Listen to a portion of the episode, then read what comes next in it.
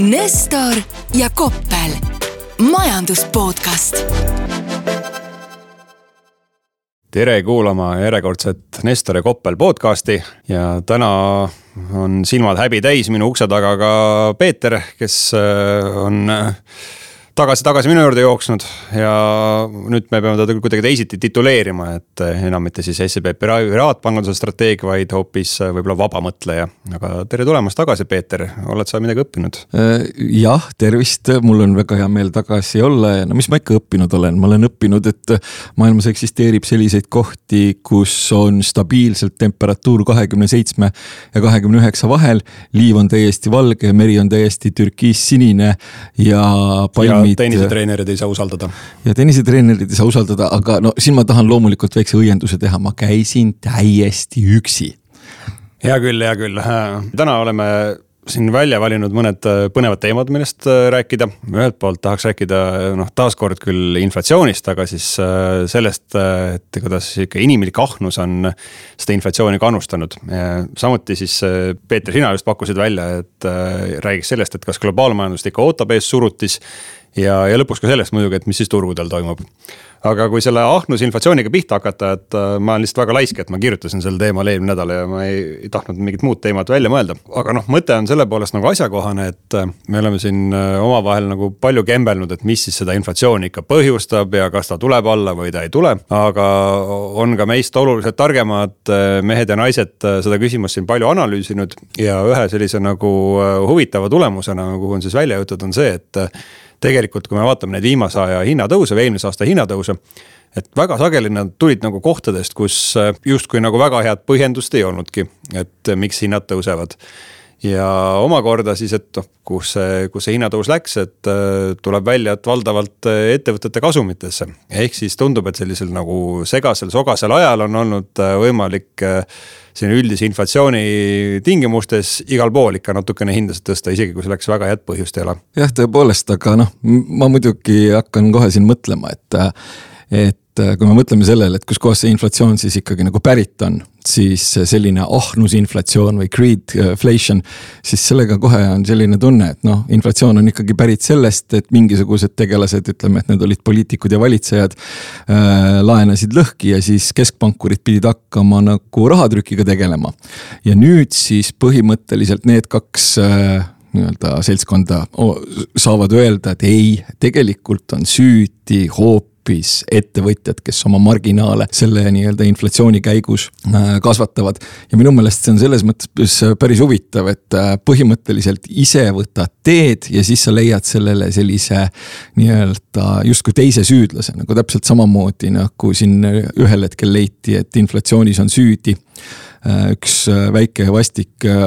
agressorist diktaator. täpselt samamoodi leitakse nüüd, et mingisuguseid selliseid uusi ja, ja, ja huvitavaid süüdlasi. et, et saaks teha murelikku nägu ja et saaks seda süüd võib-olla nagu endalt natukene ära veeretada ja siinkohal küll muidugi võib öelda, et aga samas, et ega, ega see nagu greedflation või, või, või selline mõte sellest, et keegi kuskil veidikene ahne on või keegi kuskil hinda tõstab.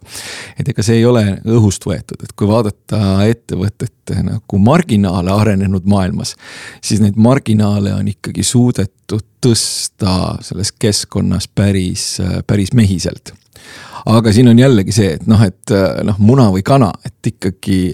kõigepealt see inflatsioon ikkagi pärineb hoopis kuskilt mujalt ja see selline ahnusinflatsioon on siis nii-öelda kaasuv nähe. Ja mingisuguste ettevõtete kaela nüüd üritada inflatsiooni kui sellist lükata, noh, minu meelest see on veidikene selline mõttelaisk ja selline noh, selline klassikaline poliitiline demagoogia, millega me oleme viimasel ajal vist pidanud üpris ära harjuma noh, seda lükkasid ettevõtjate kaela muidugi võib-olla mitte need tavapärased sellised süüdlased, vaid hoopis Goldman Sachsi analüütikud, kelle, kelle paberit ma lugesin. aga sellest innustatuna ma siis nagu vaatasin, kuidas need lood Eestis on ja tõepoolest on ju, et kui me vaatame eelmise aasta siis skp statistikat, siis seal kõige rohkem ettevõtete kasumitele lähenev termin nimega tegevuse ülejääk kasvas eelmine aasta siis kakskümmend neli protsenti kui me räägime nominaalhindadest. ja see on ikkagi nagu ühe aasta kohta päris üüratu tõus, et äh, viimati nii suurt äh, kasumite kasvu nägime siis kuskil aastal kaks tuhat üksteist või nagu siis, äh, või kaksteist, kus me tulime sealt väga sügavast august omal ajal välja no sina lugesid Goldman Sachsi paberit, mina lugesin Societe Generali paberit, kus selline. seal on sotsialistid, on ju? ei, seal on, seal on väga fantastiline äh, analüütik, keda ma palavalt armastan juba rohkem kui viisteist aastat, äh, nimega Albert Edwards, kes siis põhimõtteliselt, kui kõik see, mida tema rääkis kaks tuhat seitse, kaks tuhat kaheksa, kaks tuhat üheksa, kaks tuhat kümme, kaks tuhat üksteist, siis tegelikult me ei tohiks siin nagu valges äh, soojas toas istuda ja evida elektrit selleks, et salvestada majandus podcast'i. et ta on selline noh, tema jaoks ei ole klaas pooltühi, vaid tema jaoks on see klaas katki ja teda ähvardatakse selle klaasiga sõna otseses mõttes hetkel. et äh, tema leidis ka, et just nimelt, et see marginaalide tõus on olnud erakordselt märkimisväärne. ja ta suutis sealt loomulikult välja pigistada ka selle mõtte, et see võib olla siis äh, turumajanduse lõpp. sellepärast, et ühel hetkel need sotsiaalsed pinged, mis selle hinnatõusu kontekstis äh, akumuleeruvad, et need lihtsalt noh, tekib selline ükskord, ükskord prahvatab äh, vimm situatsioon ja siis on muidugi olnud ka muidugi neid äh, tegelasi, kes meenutavad võib-olla selliseid seitsmekümnendaid aastaid ja selliseid arusaamu, mis on jällegi populaarsed, et hirmsamal kombel peab majandusse ikkagi sekkuma. ja peab äh, hinnale panema ülemised piirid ja peab kontrollima ja vaatama, et kes kui palju hinda tõuseb, tõstab, noh Äh, ma ei tea, kui, kui palju nagu meil selline mõtteviis üldse mingisugust toetust võiks leida, et meil on ikkagi piisavalt palju inimesi elus, kes teavad, et mis, mida tähendab nagu kirvega võila ukse no, kallale minek. ükskord prahvatab ka eestlase vimm, et äh, just tahtsin välja tuua, et kui, kui sedasama Goldman Sachsi paberit lugeda, siis äh, nemad ennustavad ikkagi, et siin kohe varsti-varsti ehk juba nüüd peaks tegelikult see hinnatõus hakkama selle marginaalide kasvu arvelt Äh, raugema, kuna ikkagi nõudlust on nii palju vähemaks jäänud, et noh, enam selles keskkonnas pole võimalik see marginaali tõstmine samas tempos nagu edasi toimuks. aga täna me salvestame siin oma saadet teisel mail ja tuli just välja selline esmane statistika siis, äh, palju siis hinnad kasvasid Eestis äh, märtsikuu, vabandust, aprillikuuses ja kolmteist protsenti. Pole paha, ütleks nii ja, ja kui võrrelda jällegi siis nagu märtsikuuga, et siis kuust kuusse kasv ka kaks protsenti, et tuletan meelde, et see on siis tegemist numbriga, mida meil Euroopa Keskpank eh, siib nagu pikaajaliselt aastaseks inflatsiooniks jah, see ütleme, et noh, mind, minu, mind see number nagu väga ei üllata, sellepärast et ma kui ma veel olin ekraanide taga ja ei lugenud kuskil päikse käes raamatuid, siis äh, need ekraanid kippusid mulle näitama seda, et alusinflatsioon on euroalal põhimõtteliselt täiesti käest ära. ja nüüd on siis, äh, mis on ka võib-olla selline huvitav äh, asjaolu, et ma noh, natukene ikkagi proovin kursis olla ka sellega, et mis maailmas toimub, mis maailmas arvatakse. siis nüüd on vähemalt Euroopa Keskpanga kõnepruuki ilmunud see, et neil on vaja alusinflatsioon kontrolli alla saada. see tähendab tähendab seda, et nad seda, seda inflatsiooni, millest peamiselt räägitakse ehk tarbijahindade taseme inflatsiooni, kus siis ka kütus ja toit sees on, et. et nad on, tundub, et nad on selle osas lootuse kaotanud no aga nagu praegu minu arust mõnes mõttes ongi just naljakas see, et tegelikult ju energiahinnad meil on rohkem kui kontrolli all, et isegi siis, kui OPEC oma tootmist vähendab, sellest hoolimata on ju, jääb nafta hind endiseks. maagaasi hinnad on normaalsed, aga millega meil just jah, on probleemid on, on seesama alusinflatsioon ja kui siin Euroopas räägitakse, et noh, see on mureks, et seal ta jääb ju alla kuue protsendi. Eestis viimase poolaasta vältel selline stabiilselt kaksteist, kolmteist protsenti ja eriti põnev on ka see, et kui teed selliseid äh, võrdlusi siin meie lähiregiooniga, et siis äh, noh, toon sulle siin mõned näited, et vaatasin, noh, mul ei ole aprilli kohta need detailsed numbrid veel, aga märtsi kohta. et kui äh, näiteks riided, jalanõud meie regioonis laiemalt noh, peaks tulema enam-vähem ühest kohast sealt samast Hiina või Bangladeshi vabrikust. kui nad siin Soomes, Lätis, Leedus olid kallinenud vahemikus kuskil neli kuni kuus protsenti, siis meil pluss neliteist protsenti aastaga kui räägime paketireisidest, on ju, kus, kus sa just käisid, see vist ei olnud küll paketireis. see ei olnud kahjuks paketireis jah. noh, kus inimesed, kes teenivad vähem kui Peeter Koppel käivad, siis äh, nemad pidid maksma selle eest kolmandiku võrra rohkem kui aasta aega tagasi, samal ajal kui siin jällegi meie lähiregioonis seesama hinnatõus oli kuskil kümme, viisteist protsenti no ka kuulus füüsik ja filosoof Pascal ütles selle kohta, et enamus inimeste probleemidest saavad alguse sellest, et nad ei taipa kodus püsida. aga mis puudutab, ütleme seda äh, hinnakasvu näiteks riiete ja jalatsite puhul, siis äh, sa võid küll siin minu teenimise kontekstis nagu nalja visata, ma näiteks praegu ei teeni mitte midagi. noh, palka, eks ole, ei saa, kuna olen vaba mees, siis mul ei ole hetkel ei seljas, jalas ega küljes mitte ühtegi asja, mis oleks ostetud kohalikust kaubandusvõrgust sellepärast vabandage mind, kohalik kaubandusvõrk on minu jaoks liiga kallis. ja ma ei imesta, sest et äh, see, kusjuures sinu see puudumine kohalikult kaubandusturult oli täiesti märgatav, et äh, ju see oli viimane kuu, mille kohta numbrid olemas on, et siis jaemüük kukkus juba neliteist protsenti mahtudes. eks siis saame näha, et kui hästi saab see neid hindasid edasi kanda, aga veel nagu selle inflatsiooni jutu juurde peaks ka ära mainima selle, et nüüd sel neljapäeval on ju siis ees ootamas Euroopa Keskpanga nõukogu kohtumine, kus siis hakatakse vaagima, et mis ikkagi nende intressimääradega teha ja, ja siin ma endal oli hea tunne, et äh, kõigu see panganduskriis, mis meil siin vahepeal USA-s välja purtsatas, mulle tundub, et on ikka juba ära unustatud ja tuleb selle hinnade kasvu kontrolli alla saamiseks endiselt intressimäärasid tõsta no ilmselt tuleb, sellepärast et äh, seal on ikkagi ka väga tähtsatel ja väga suure, suure egoga inimestel vaja ka säilitada oma nägu. ehk, ehk siis tekitada vähemalt selline tunne, et hinnastabiilsuse saavutamiseks midagi, midagi tehakse. ja noh, arvestades seda, et, et millised need inflatsiooninumbrid on ja kuivõrd selline tore see äh, jutumärkides tore see alusinflatsioon on, siis äh, tegelikult ega need reaalintressid ju hirmsamal kombel ei tõuse ka ja see tähendab seda ju, et punase veini joojatel nagu otse nagu homme nagu maksejõuetus äh, ukse taga ei koputa. Aga aitab võib-olla sellest inflatsiooni jutust, et äh, kunagi tuli meelde, et selles Tulnuka filmis oli sihuke tegelane nagu Valdis, kes nägi sauna taga ufot ja mulle tundub, et Peeter on siis jälle kuskil sauna taga majanduslangust näinud, et sa tahtsid nimelt rääkida siis globaalsest äh, oodatavast majandussurutisest. et äh, palun alusta ei, selles mõttes, et mul on suhteliselt äh, lihtne ja loogiline nii-öelda mõtteviis. minu lihtne ja loogiline mõtteviis tuleneb sellest, et sa mainisid seda panganduskriisi. ja see panganduskriis on selles mõttes olnud huvitav, et see on tekitanud olukorra, kus siis noh, näiteks Ühendriikide keskpank on noh, sisuliselt või de facto süsteemi likviidsust juurde tekitanud. ja kui see panganduskriis noh, nädalavahetusel oli jälle üks väike intsident, aga see väike intsident läks äh, põhimõtteliselt niimoodi, et nagu eriti midagi ei olnudki, et oli äh, paar Tiktoki videot mingisugustest järjekordadest kuskil pangakontori ukse taga reedel ja, ja, ja põhimõtteliselt esmaspäeva hommikuks oli see juba sisuliselt äh, lahendatud. et see panganduskriis justkui on nii-öelda raamidesse surutud, seda likviidsust vahepeal, eks ole, tekitati juurde.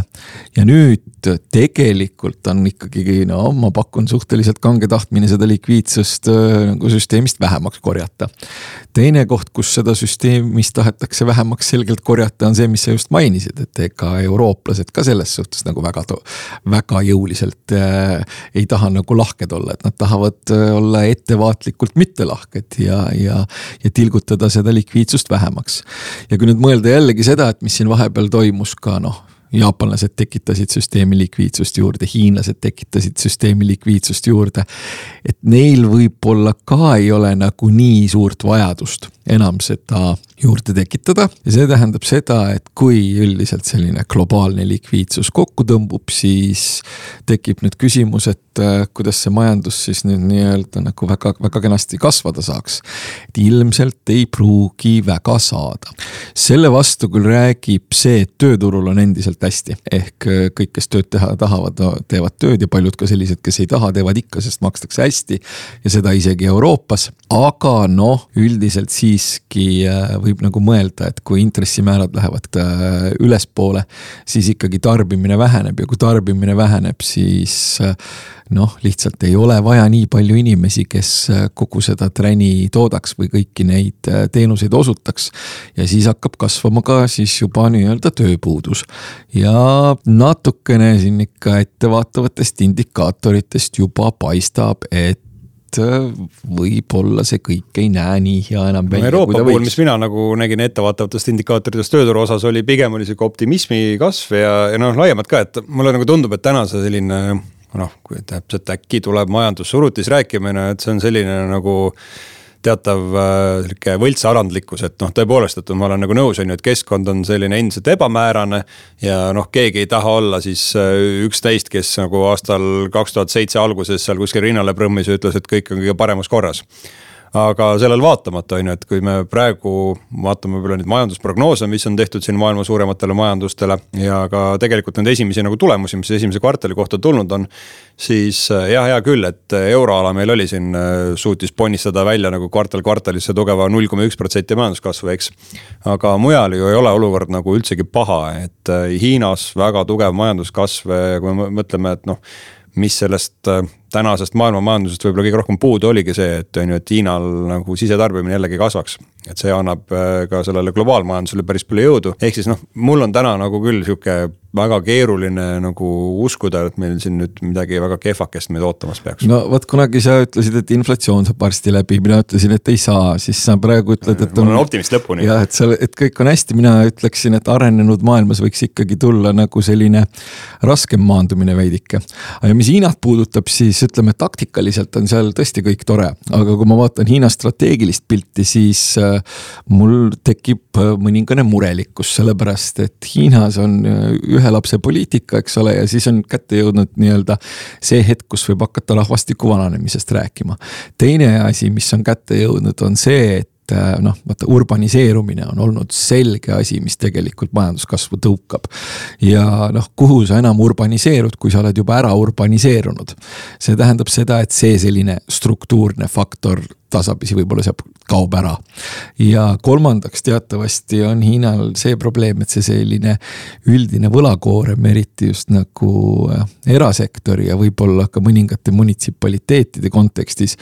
on ikkagi äh, suhteliselt märkimisväärne ja need kõik on selline nagu majanduskasvu kontekstis sellised pommid jala otsas, mis ei anna ennast endast tunda võib-olla täna ja võib-olla homme. aga noh, ütleme sellises veidikenegi pikemas perspektiivis on noh, ka neil selle kasvuga halvasti. no pikas plaanis ma suudan siin igasuguseid muresid välja mõelda, aga just jah, et äh, nagu see aasta ju võiks selle Hiina nagu tugevam kasv äh, meid küll siin globaalsest surutisest äh, päästa, aga noh, kui sa vähegi noh, need asjad, mis sina praegu rääkisid, tundus väga pikk vaade, et mulle tundub, et siin oluliselt lähemas perspektiivis on see tunne, et seal üle Taiwan'i väina ei hakka mingisugused raketid lendama. et see mõjutaks, ma arvan, oluliselt enam siin nagu maailma majanduskasvu prognoosi võib-olla, kui see pikaajaline võlakoormus. see mõjutaks tõepoolest, sellepärast et alates sellest, et noh, siis ju tekiks selline olukord, kus hakataks maailma tänases kontekstis võib-olla sellised teiseks olulisemat majandust mingisugusel viisil äh, sanktsioneerima ja siis ei liiguks enam ei raha ega kaubad ja lõppkokkuvõttes äh, noh, siis põhimõtteliselt äh, sa oma, ma ei tea, kas viimase, eelviimase iPhone'iga peaksid ikka vist päris tükk aega hakkama saama, sellepärast et minu teada jätkuvalt kuskil mujal nagu nii peenikesi kiipe ei toodeta kui Taiwanil. Kuigi siin on just huvitav, mulle tundub, et see, kas on äh, tunnetatud, et äh, see retoorika on nagu liiga valjuks läinud, et isegi Janet Yellen siin äh, kutsus üles nii-öelda rahule, et tegelikkuses midagi väga hullu toimuma ei hakka ja ikka, et sanktsioone ei tule ja ja saame ikkagi sõbralikult läbi, oli minu meelest tema jutu suur mõte. ehk siis tegelikkuses no mulle tundub, et ka maailma sellised äh, juhtivad äh, majanduselu kujundajad on hakanud ikkagi nagu muret tundma, et see selline sõjaretoorika Hiina suunal, et võib ühel hetkel hakata no, tõepoolest päriselt juba puhtalt selle retoorika tõttu kärpima maailma majanduskasvu. no tõepoolest, selles, ma kujutan ette, et noh, on ju igasugused mõttekojad, kellele makstakse huvitavalt palju raha ja kes panevad igasuguseid huvitavaid selliseid stsenaariume kokku. ma arvan, et kui meile sinuga antaks äh, palju raha ja pandaks äh, siia ruumi mõneks ajaks kinni, me suudaks ka välja mõelda selle, et kui äh, kuhu siis nii-öelda selline sõjaline konflikt tegelikult maailma nagu päris tükiks ajaks paisata võiks ja see kindlasti ei oleks meeldiv. aga sellega muidugi on niimoodi, et noh, selliseid geopoliitilisi riske, noh, ma ei ole täheldanud, et ükski majandusinimene või isegi ükski turgude inimene oleks kunagi adekvaatselt hinnata suutnud. ja uskumatu uskumatuga mitte kunagi ükski politoloog jah ne,, neil võiks piinlik olla, majandusinimesed vähemalt ütlevad, et kuulge, et, et, et kuna seal ei ole taga mitte midagi sellist, mis oleks seotud nõudluse ja pakkumise ja ratsionaalsusega, et siis, siis me nagu võib-olla selle kohta midagi ei ütle selle, enne kui selle maailma majanduskasvu osa siin nagu koomale tõmmata, et tahaks korraks nagu energiat ka puudutada. et see tegelikkuses on ilmselgelt ka üks kõige olulisematest teguritest, mis selle maailma majanduse tervise ära määrab ja mulle praegu nagu tundub, et uudised on siiamaani vähemalt äh, suurepärased, et äh, gaas on meil Euroopas odav. tundub, et äh, varud ka piisavad, et äkki see aasta ta väga kõrgele ka ei jõua ja, ja tõesti, et nagu ma vist ennem juba mainisin, et vaatamata siis OPEC plussi pingutustele siin äh, kärpida oma tootmismahtusid, siis äh, vist kõik väga ei taha sellele, nendele plaanidele alluda. ja selle tulemusena nafta hind püsib äh, muutumatuna seal kuskil noh, alla kaheksakümne dollari barrelis taseme, et niimoodi võib ju nagu rallit edasi sõita. ma küll arvan, et OPEC-il ilmselt on mingisuguseid plaane veel, sellepärast et noh, neil on ju tegelikult natukene vesi ahjus. vesi ahjus selles mõttes, et käib ju selline noh, ma ei saa öelda, et see nüüd väga edukas oleks, aga käib ju majanduse dekarboniseerimine ja fossiilsed kütused on teatavasti äh, nii-öelda, kui veel täna saatanast ei ole, siis mõne aja pärast ikka. ja nüüd siis äh, OPEC pluss või OPEC eriti, võtame selle plussi sealt ära, siis nende mõte on ikkagi ju see, et äh, ürit-, üritaks võimalikult palju nagu ülejäänud maailmalt raha kätte saada. senikaua nafta eest, kui seda naftat ikkagi äh, vaja läheb. seda on vaja siis kaheks asjaks, seda on vaja selleks, et noh, nii-öelda olemasolevat eelarvet täita. ja seda on vaja ka selleks, et üritada siis nii-öelda enda majandust sellest naftakeskuse, kesksusest eemale ohjata ja, ja see tähendab minu meelest seda, et nad võivad siin igasuguseid äh, vallatusi veel ette võtta. ja kui nad nüüd äh, tõukavad selle naftaga kuskil üheksakümne või, või sajani mingisugusel hetkel, siis see on ka selline tase, mis tegelikult äh, noh see ei ole nüüd selline koht, kuhu, mille peale peaks nüüd hakkama hirmsamal kombel kisa tõstma, et, et oi-oi-oi-oi-oi sada ja nii edasi. aga ma pakun, et see, see motivatsioon tekitada olukorda, kus võib-olla natukene vähema nafta eest saab natukene rohkem raha, on OPEC-il tegelikult täiesti, täiesti olemas. ja mingisugust sellist arusaama sellest, et nüüd nafta peaks hirmsamal kombel äh, allapoole liikuma jah, tõepoolest, kui tuleb see siis raske maandumine ja, ja, ja surutis, millesse mina usun rohkem kui sina, noh, loomulikult see mõjutab aga nii-öelda struktuurselt noh, on ikkagi teatud mõttes defitsiit ja teatud mõttes on ikkagi turgu domineeriv kartell, kellel on selge motivatsioon, et see hind võiks olla praegusest tasemest veidi kõrgem. no õnneks on tarbijad siiamaani võitnud, aga räägiks veel siis turgudest ka, et selles sa tahtsid just välja tuua selle, et kuidas turud on kasvanud ja no tõepoolest on ju, et kui me vaatame siin Ühendriike, siis tehnoloogiasektori päris head tulemused on toonud kaasa aktsiahindade tõusu. aga samal ajal, äh, kui vaatan näiteks Hiinat, siis seal on ju pigem äh, siin viimase nädala-paari jooksul äh, hinnatasemed allapoole kukkunud, et see pilt on tegelikkuses kirju. see pilt on selles mõttes kirju ja just ütleme selle juurde ma tahtsingi, et noh, jõuda, et noh, vaata, kui ma siin räägin sellest raskemast maandumisest ja. ja võimalikust surutisest, siis üks asi on küll selline, et ega siis turud nagu oma põhja nagu päris enne surutise algust äh, nagu ära ei tee, et see ei ole selline asi, mida. selline asi, mis nii-öelda päris maailmas tavaliselt nagu juhtuks, et see on ük, üks aspekt. ja teine aspekt on see, et kui vaadata veidikenegi turule sisse, siis no ei paista sealt seda fantastilist äh, tervist, et hakkad nagu sektori kaupa vaatama ja siis lõppkokkuvõttes leiadki, et, äh, et võib-olla ainukene selline tõeliselt Äh, tugev sektor on tehnoloogia ja tehnoloogia teatavasti sai eelmisel aastal ka kõik, kõige rohkem peksa. kuule, aga eksid, eksid. Äh, ma ei tea, kas sa oled turu-uudiseid jälginud, et äh, Indias toimus just nagu rekordilise mahuga IPO kus siis äh, reisiti kokku pool miljardit dollarit äh,, märgiti viisteist korda üle, tead, mis see oli, jah? no räägi niisugune toreda ettevõtte nimega Mankind Pharma mis siis äh, muuhulgas on tuntud selle poole pealt, et ta on äh, turgu domineeriv äh, kondoomitootja kogu Indias, et neil on väga selline tuntud bränd nimega Manforce. mis väidetavalt pidi nagu kolmkümmend protsenti kogu India turust katma, aga et kuna samal ajal tuli just see uudis, et India läks rahvaarvult mööda Hiinast, siis mul sellega kohe assotsieerus see, et neil on seitsekümmend protsenti katmata järelikult. mulle ka nagu tundus, et see on väga huvitav selles mõttes ärivaldkond ja tundub arvestades,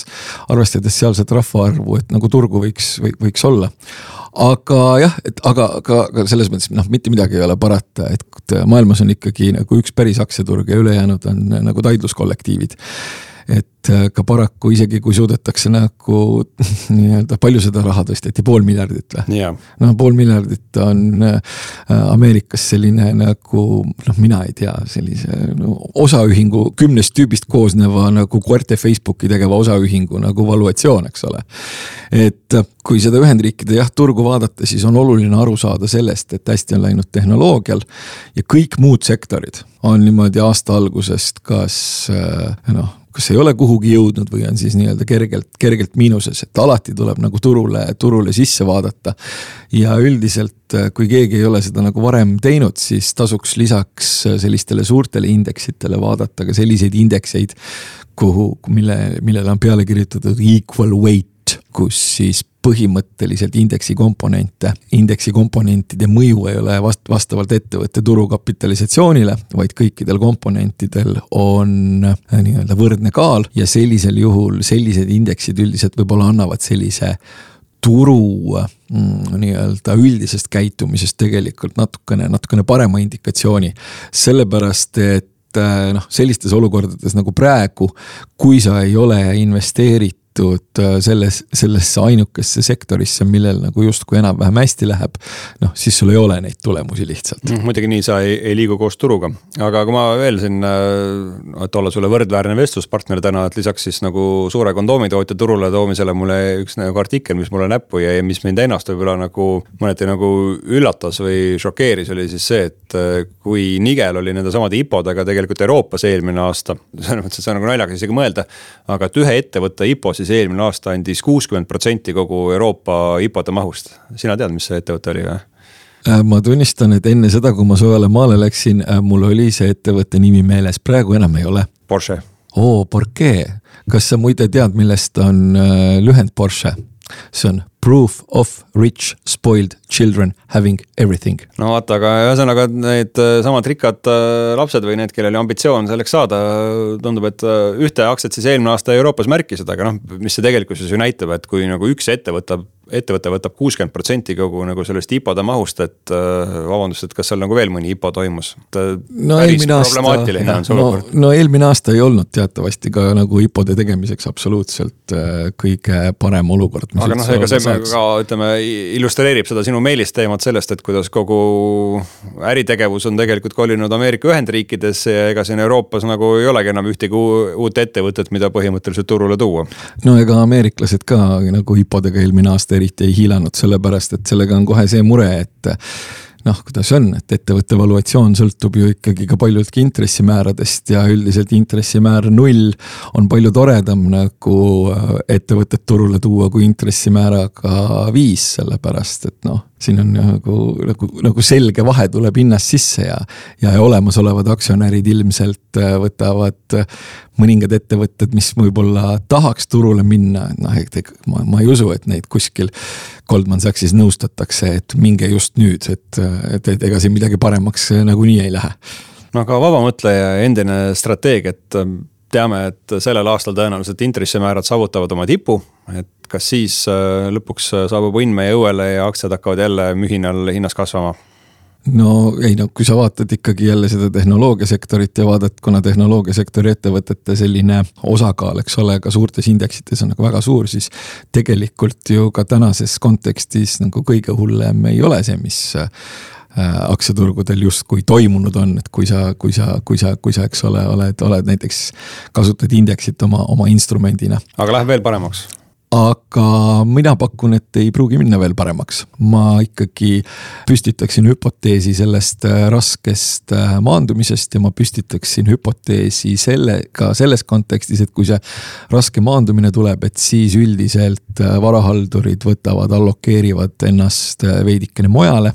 ja tänases kontekstis neil on, ütleme selline riigi võlakirjadesse allokeerimine, arvestades, arvestades intressitasemeid nagu oluliselt äh, lihtsama mõttena tuleb, kui siin võib-olla mõni aeg tagasi, nii et äh, ma ei ole paraku aktsiate suhtes just kõige optimistlikum. kui ma millegi suhtes pean optimistlik olema, siis ma olen optimistlik äh, toormete suhtes lihtsalt sellepärast, et äh, nende kättesaamisega saab olema üha rohkem muresid. no vähemalt ühe optimistliku noodi siia saate lõppu leidsime, aga aitäh kuulamast ja kohtume jälle. kõike head. Nestor ja Koppel, majandus podcast